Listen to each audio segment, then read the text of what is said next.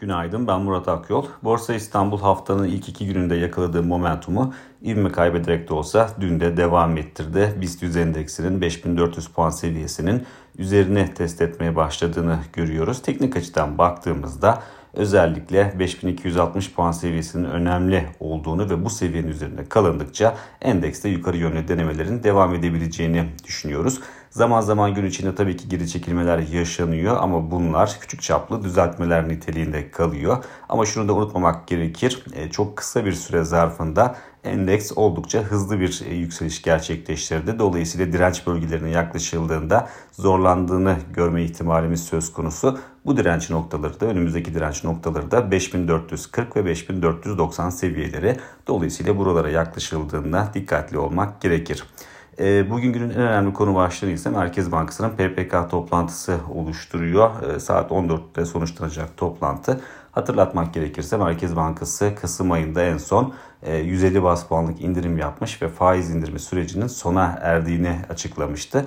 Zaten 2022 yılının toplamında 500 e, bas puanlık indirim yapıldı. E, Aralık ayında ise Merkez Bankası verdiği mesajlara paralel olarak herhangi bir değişiklik yapmadı ve politika faizini %9 seviyesinde bıraktı.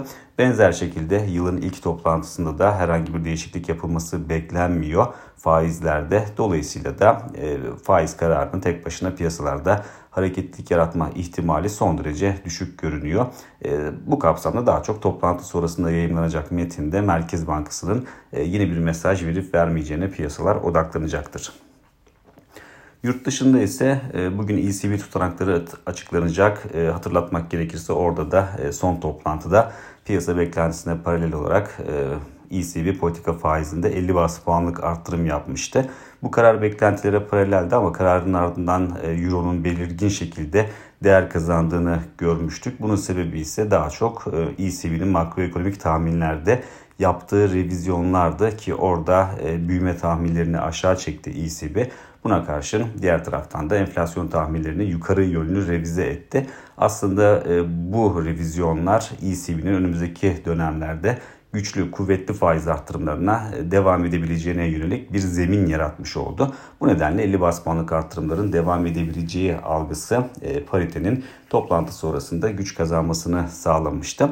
Genel olarak baktığımızda aslında tarihsel olarak değerlendirdiğimizde ECB e tutanaklarından aslında çok yeni bir bilgi çıkmıyor ama yine de piyasa beklentisini etkileyecek ya da değiştirecek bir açıklama yapılıp yapılmayacağını bugün yakından takip edeceğiz.